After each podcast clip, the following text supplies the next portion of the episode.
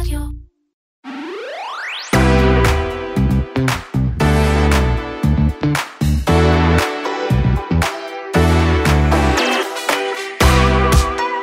אפריל השחור בחברות הטכנולוגיה. חברת אמזון מוחקת ביום אחד 200 מיליארד דולר.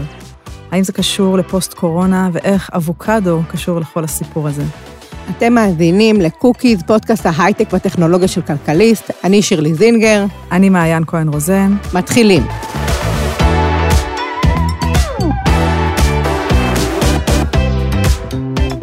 אז ביום המסחר האחרון לפני שאנחנו מקליטות היום, אה, אמזון אה, מחקה משהו כמו 14 אה, אחוז מהשווי שלה, זה משהו כמו 200 מיליארד דולר, סכום שהוא גדול מכל תקציב מדינת ישראל ב-2022. מטורף. מספר מטורף לכל הדעות, וגם חלק מהמשך מגמה של ירידה באפריל של כמעט 400, 394.3 מיליארד דולר של אמזון מחקה באפריל. אפריל השחור. אפריל השחור, לא רק של אמזון, אבל אולי, אולי היא השיאנית, אני חושבת. ואנחנו בעצם חושבים שאולי, או חושבות שאולי יש לזה קשר לכל מיני מגמות פוסט-קורונה. מה דעתך, מעיין? אני חושבת שיש קשר הדוק לפוסט-קורונה. אנחנו רואים את זה בהרבה חברות טכנולוגיה. כל מיני חברות שפרחו בקורונה עכשיו מתחילות לראות ירידה, והשאלה היא האם הן חוזרות חזרה לגודל הטבעי שלהן, או שזה באמת הפסד מאוד, זה בטוח הפסד מאוד מאוד דרמטי, אבל השאלה אם לא, זה לא איזושהי מגמה טבעית של התכווצות חזרה לממדים הרגילים של החברות האלה. עכשיו, צריך להגיד, לצורך העניין, אמזון זה לא חברה שקמה בקורונה ולא פרחה בקורונה, היא הייתה קיימת לפני ותהיה קיימת אחרי, אבל אין ספק שהיא בטח מסמלת איזושהי מגמה שהייתה מאוד מאוד ברורה בקורונה, של להזמין כמה שיותר אונליין, ושל אולי אפילו לא לצאת מהבית, ובארצות הברית, בעיקר למשל במדינות שאמזון אפילו יותר חזקה מישראל, זה באמת מהיום למחר ולא צריך לעשות כלום, ו- וכנראה שבקורונה זה באמת התחזק עוד יותר. אני חושבת שהיא כן פרחה בקורונה, כמו הרבה מאוד חברות אחרות, ואנחנו רואים את זה גם בישראל. המגמה הזאת של ירידה במכירות אונליין, זה משהו שרואים אותו גם בארץ. מאז שיש התאוששות מהמגפה. בדיוק, כן. בדיוק. זה, זה מדהים, דרך אגב, הציפייה הייתה שמכירות האונליין ימשיכו להיות גבוהות. אבל הקונים הוכיחו אחרת. דיברנו על זה בינינו לפני ההקלטה, דיברנו על זה שכל מיני דברים שחשבנו שהם כאן בשביל להישאר, נכון. השימוש באונליין מהסופר ועד, לא יודעת מה, ספרים מקוונים, ושחשבנו, ועד עבודה היברידית, ועוד כל מיני דברים שאמרנו, העולם השתנה, זהו, אי אפשר לחזור אחורה. נכון. והנה אנחנו רואים שחוזרים אחורה. ב... זה מצחיק, אנשים רוצים לחזור לקניונים, הם רוצים לחזור לקנות בחנויות הפיזיות. אני לא בטוחה, אגב, שרוצים לחזור למשרד, את יודעת, יש טרנד שלם על זה בטיקטוק, כאילו, את יודעת, על אנשים שמבקשים מהם להתחיל לחזור למקומות העבודה, וזה נתקל בהתנגדות ממש גדולה. תראי, רוב המקומות, אני חושבת, באמת מחפשים עדיין איזשהו מודל היברידי, אבל כן, אני גם שמעתי התמרמרויות מכיוונים שונים על מקומות שדורשים לחזור ב-100%. זה כבר לא מובן מאליו שזה משהו שצריך לקרות ב-2022. גם כשכבר אין קורונה. כן, תראי, צריך להסתכל על כל ההשלכות של העבודה מהבית. הרי אנחנו ראינו כל הזמן במהלך הקורונה כותרות על דיכאון ועל בדידות. השאלה אם משקללים את כל הפרמטרים האלה. זה נכון, אבל יש גם יתרונות כלכליים גדולים, למשל, על אי-הגעה למשרד. נכון. מהעומס בכבישים ועד באמת עלויות של רכב ועלויות של, אפילו של מקום עבודה, שצריך להחזיק את כל העובדים שבאים ב-100% נגיד מהזמן וכן הלאה. אבל לצורך העניין, עבודה היברידית זה פחות הנושא שלנו היום, ובאמת אנחנו מנסות להבין האם עידן פוסט הקורונה, בתקווה לוואי אמן שהוא באמת מאחורינו, האם הוא בשורה רעה לחברות טכנולוגיה, למשל? האם אמזון רק מבשרת איזשהו שינוי מאוד מאוד גדול? אני חושבת שממש מוקדם לקבוע, את יודעת, על סמך הדוחות האלה, רעים ומאכזבים ודרמטיים ככל שיהיו, אנחנו נחכה לראות מגמה, אני חושבת, לא? אני כמובן לא, לא חושבת שאמזון, אה, את יודעת, תיפגע, זאת אומרת, היא נפגעה, אבל האם היא תמצא את הדרך להתאושש חזרה? אני מאמינה שכן. כנראה שכן, השאלה באיזה אחוזים, השאלה אם הבוננזה הזאת שהייתה, שהיה כל כך קל, כאילו, בעיקר בבורסות באמת, כל כך קל כאילו לעשות כסף אה, ממנוע טכנולוגיה, אם הדבר הזה יימשך, עם העליות הלא נגמרות האלה. אולי פשוט, אה, כמו שכל הזמן אה, קראנו וחיכינו, זה התיקון. יכול מאוד להיות שזה התיקון. זה התיקון של השוק, של, כמו שאת אומרת, לחזור לעולם יותר נורמלי. מאוזן אולי, מאוזן. הייתי אומרת. כן. אה, כן, אנחנו עכשיו מדברים פה באמת גם על עוד כל מיני תהליכים אה, כלכליים, שאולי קצת יותר רחוקים אה, מעולמי מבחינת היכולת להסביר אותם, אבל באמת, כל מה שקשור עכשיו לסביבת הריבית וסביבת האינפלציה, וגם ההשלכות של מה שאנחנו קוראות על המלחמה באוקראינה, ועלויות של כל מיני דברים שיש עלויות גם לחברות האלה. אז הכל משפיע במקביל לעובדה שהביקושים שהיו בקורונה נרגעים, והחברות נכנסות למציאות חדשה. נכון. אה, וזה גם מחבר אותנו לידיעה שמתפרסמת אה, בידיעה בלעדית, שמפרסם אה, כתב הטכנולוגיה וההייטק של כלכליסט מאיר אורבך, שהוא מספר לנו על חברת אבו, חברה ישראלית שעסקה במשלוחי מזון בעיקר, נכון? כן. למשרדים ולבתים פרטיים, דור טו דור, כאילו, שמגיע עד לפתח הדלת, ועכשיו אנחנו מגלים, הם הולכים לפטר 300 עובדים, אני חושבת. בישראל. 300 עובדים בישראל, מתוך משהו 500 עובדים של החברה. כן. אפילו 350. 350 עובדים בישראל היא מפטרת, אה, מתוך, אה, באמת, בואי נראה, מתוך 500 עובדים של החברה סך הכל. אה, אני חושבת שזאת דוגמה, את יודעת, זאת דוגמה קלאסית לחברה שפרחה בקורונה, בתקופת הסגרים, ואנשים מאוד מאוד, תראי, בהתחלה לא הייתה ברירה, ואת יודעת, זו בדיוק דוגמה למה שאמרת קודם. אמרנו שחשבנו שזה כאן כדי להישאר, כל הדברים שבסגר היו הכרח, נכון? ואז התחלנו להתרגל, זאת אומרת שהכל מגיע אלינו עד פתח הבית. אם זה, את יודעת, לחמניות וחלב. ואת אמרת, נהיינו, נהיינו עצלנים, נהיינו לא, מפונקים. נהיינו מפונקים בקורונה, במידה מסוימת, זאת אומרת, עכשיו פתאום, את יודעת, כאילו, כי, כי החברות הראו שאפשר, מבינה? אפשר לתת שירות עד הבית, אפשר, והתחלנו להתרגל לזה, והנה הידיעה הזאת מוכיחה שבכל זאת אנחנו חוזרים באיזשהו מקום קצת אחורה. זאת אומרת, החברה הזאת הייתה חברה אה, קלאסית, כן. ש... שהצליחה בקורונה ופרחה, אני לא עכשיו... בטוחה שיש ירידה בביקוש לחברה הזאת, okay. אוקיי. וגם לפי אה, הכתוב בידיעה, היא דווקא בישראל קרובה להיות אה, אה, רווחית מבחינת הפעילות שלה, mm-hmm. ובסך הכל כנראה כן אה, מצליחה, זה איזושהי okay. אוקיי. אה, החלטה של אה, החברה, שהיא עושה סוג של פיבוט, שהיא קצת רוצה למקד את הפעילות שלה כנראה יותר בבנייני משרדים ופחות בבניינים פרטיים, ו, וקצת אה, לדייק כנראה את הפעילות, אני לא יודעת בדיוק מה הם מתכוונים כשהם אומרים את זה, אה, לא, אבל... לא, תראי, לפי ההודעה שהם שלחו, הם אמרו בפירוש, בהודעה שהם שלחו ללקוחות הפרטיים, שהם מתכוונים להתמקד רק במגזר העסקי, זאת אומרת, כן. רק בבנייני משרדים. זאת אומרת, הם בעצם אה, מוחקים את כל הפעילות של הבניינים הפרטיים.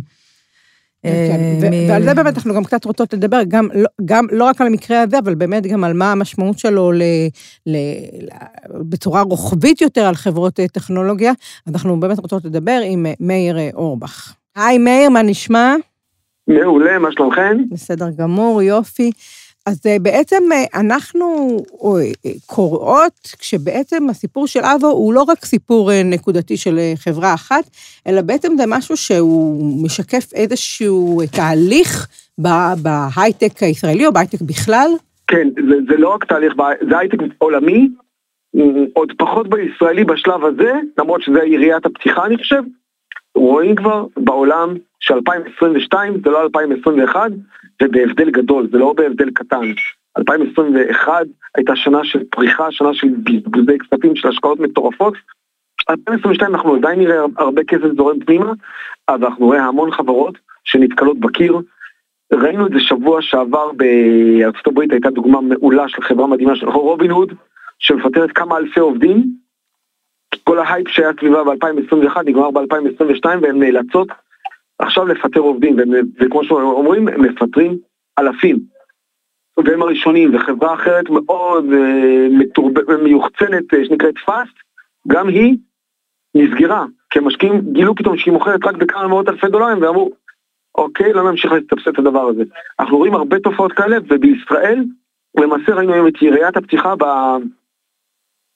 בחברות שמגיעות אל הקיר, מגלות שהמשקיעים שלהם לא מוכנות לממן אה, חברות כמוהן, ואומרות להם, תתעשתו, תבנו לעצמכם עכשיו את מבנה ההוצאות שלכם בהתאם למה שיש לכם.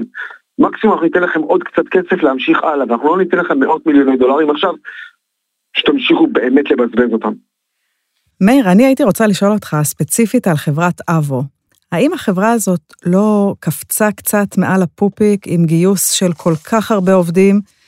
הרי החברה לא הזאת... לא קצת, המון. היא אומר... המון קפצה מעל הפופיק, mm-hmm. אבל זה 2021. 2021 היה...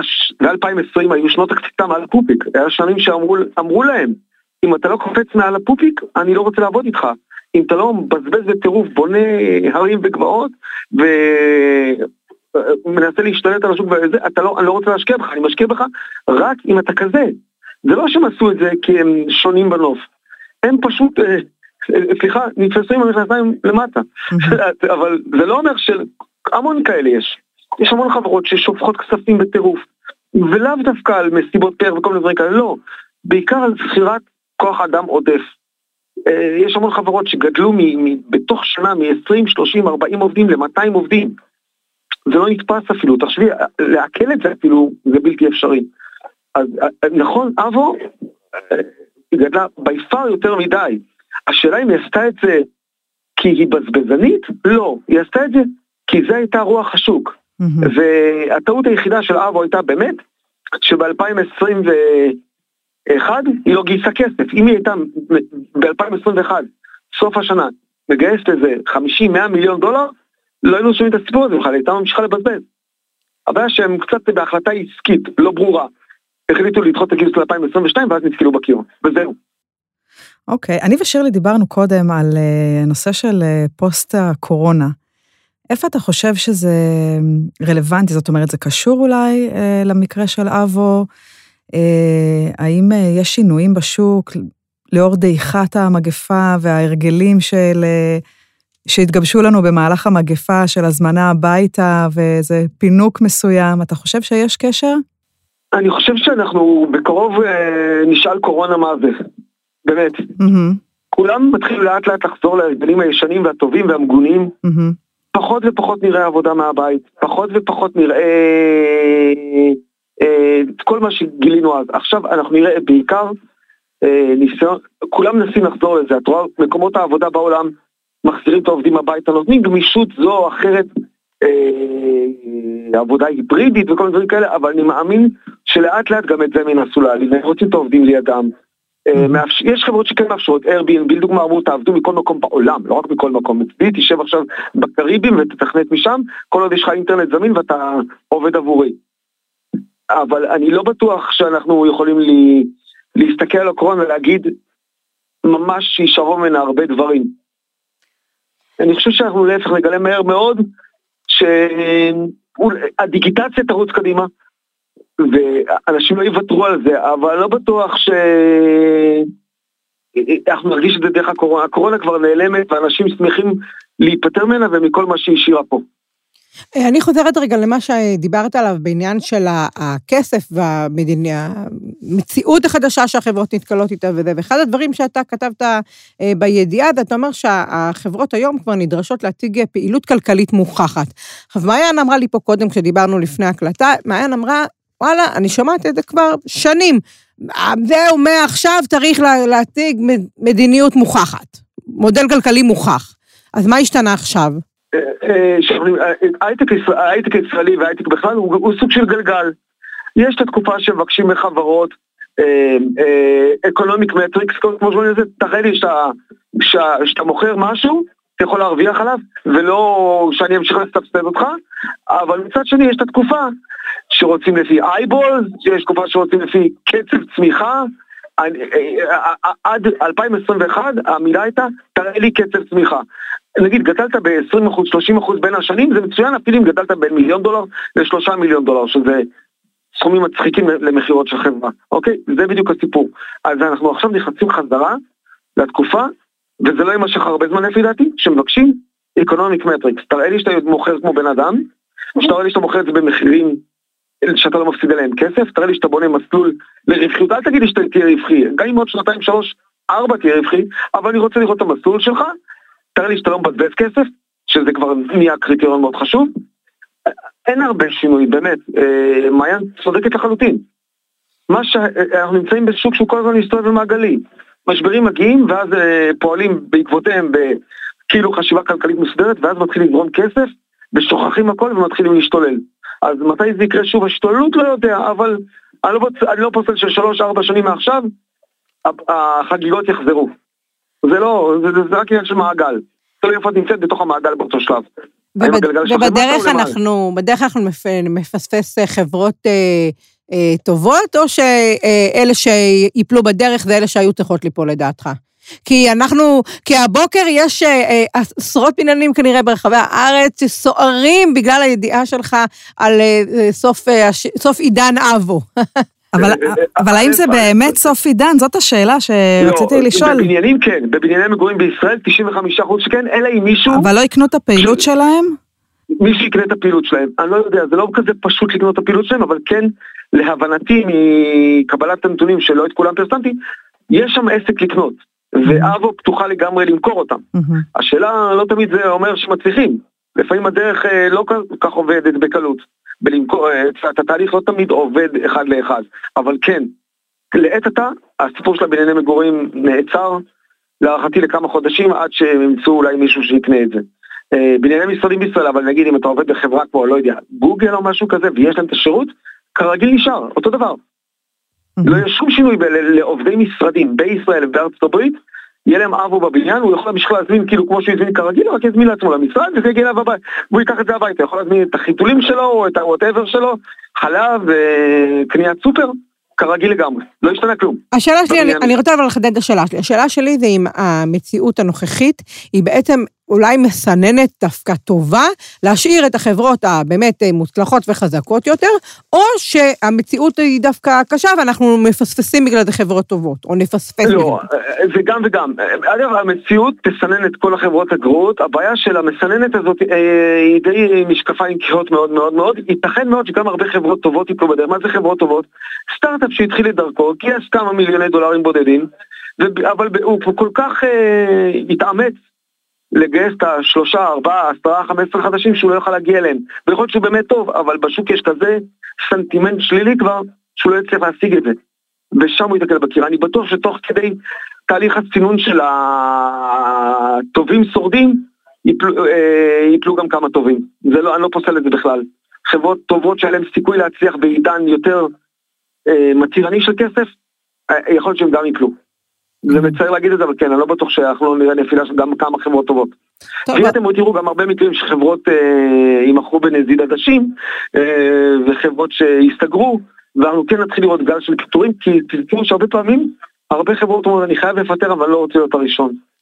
אז לפעמים הם מחכים שיהיה לראות הראשון, ואז יש לגיטימציה לפטר. כמו, ראית שהיה פיטור, גם אני יכול. טוב, מאיר, אתה לא איש בשורות אה, כן. היום, אבל... אה, זה לא מעודד. לא איש בשורות. אני מצטער, פעם הבאה אני אשתדל. בסדר, תודה רבה שבאת לדבר איתנו. תודה. באחלה, ביי. ביי, להתראות.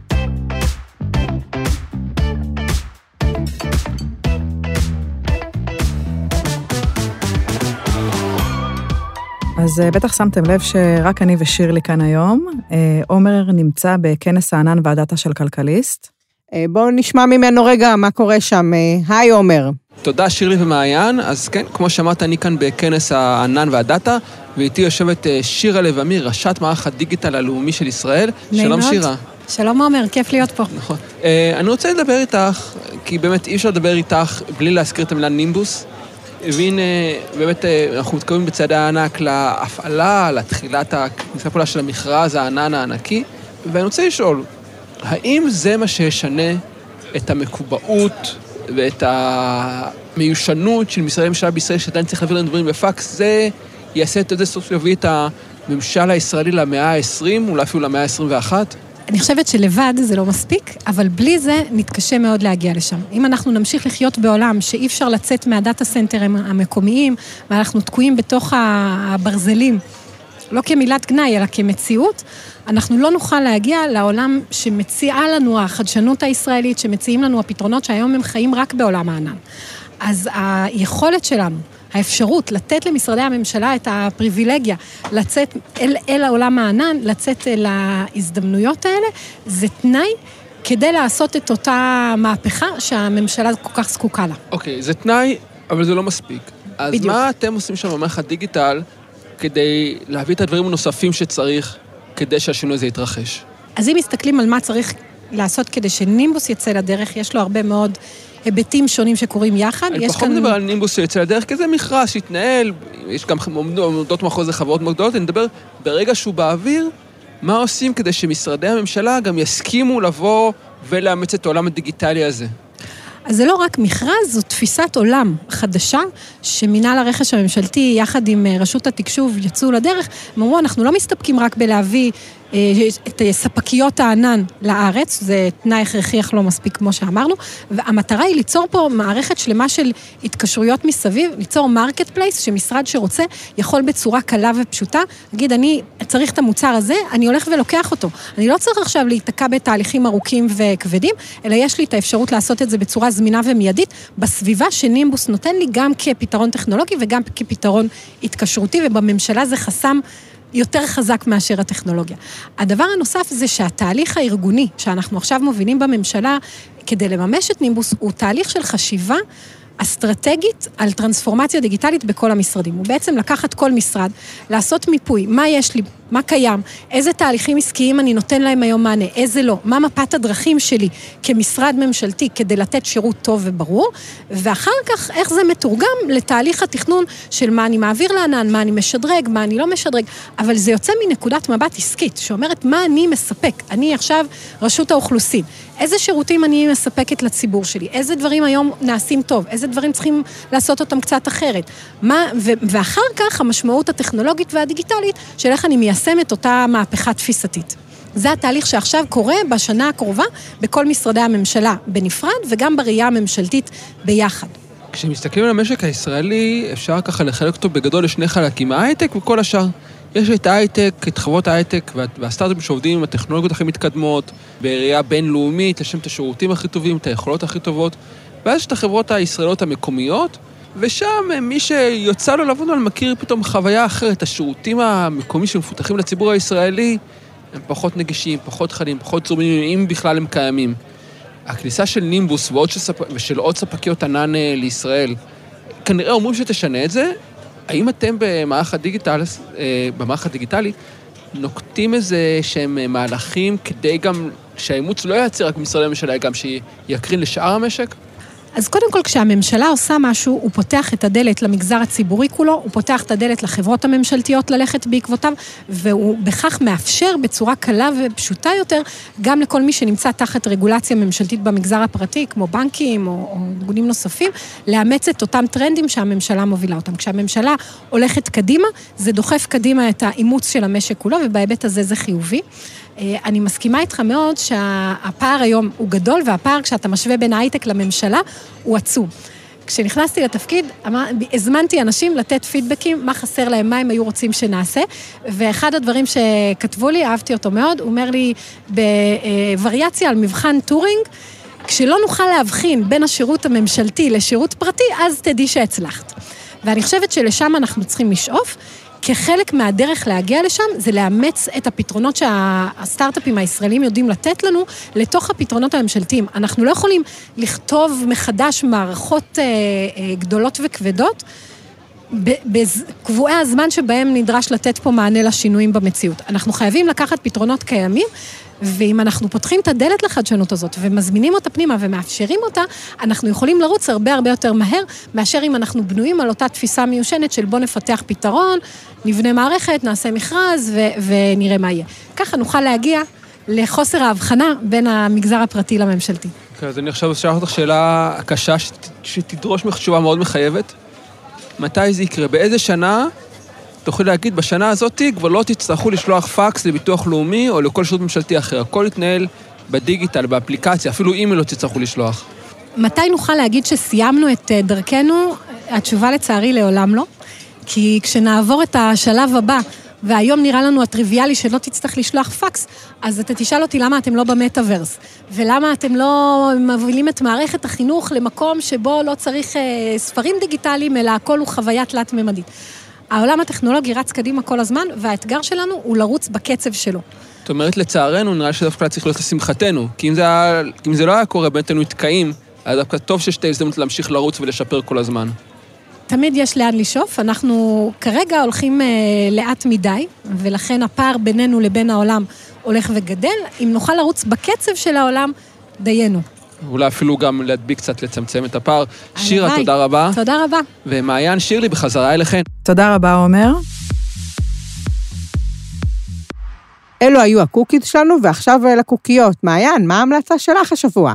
אז אה, כיוון שדיברנו על אמזון, אני מרגישה צורך אה, לשתף אותך ברכישה האחרונה שלי מאמזון, שהיא אה, היא כאילו, את יודעת, היא ברמת הקוריוז, אבל את החיים שלי שדרגה. אני רק אגיד שאני מהאנשים האלה שקונים הכל באמזון, ממש הכל, אבל ממש הכל. את חיה בסרט עוד באמריקה. אני, כן. מאז שיש להם את המשלוח חינם לישראל, אז באמת אני מזמינה הכל, הכל, מקלפי פוקימון, אני לא יודעת, ועד מוצרי ניקוי ומה שאת לא רוצה. אבל הרכישה האחרונה שלי הייתה אה, רמקול, בלוטות, אה, עמיד במים.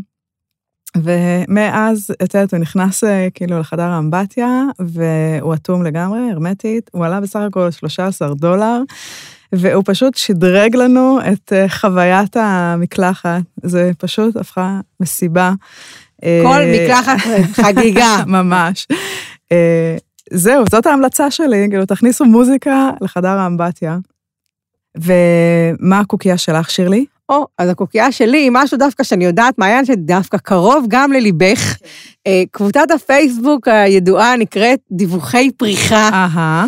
כל מי שרוצה קצת אה, לשמח ולהכניס צבע וטבע לחייו, אז זאת קבוצה שממש יכולה לתת כיוון ללאן כדאי ללכת, איפה פורח ואיפה יפה, ואפילו לפעמים, יותר חשוב מזה, איפה כבר לא.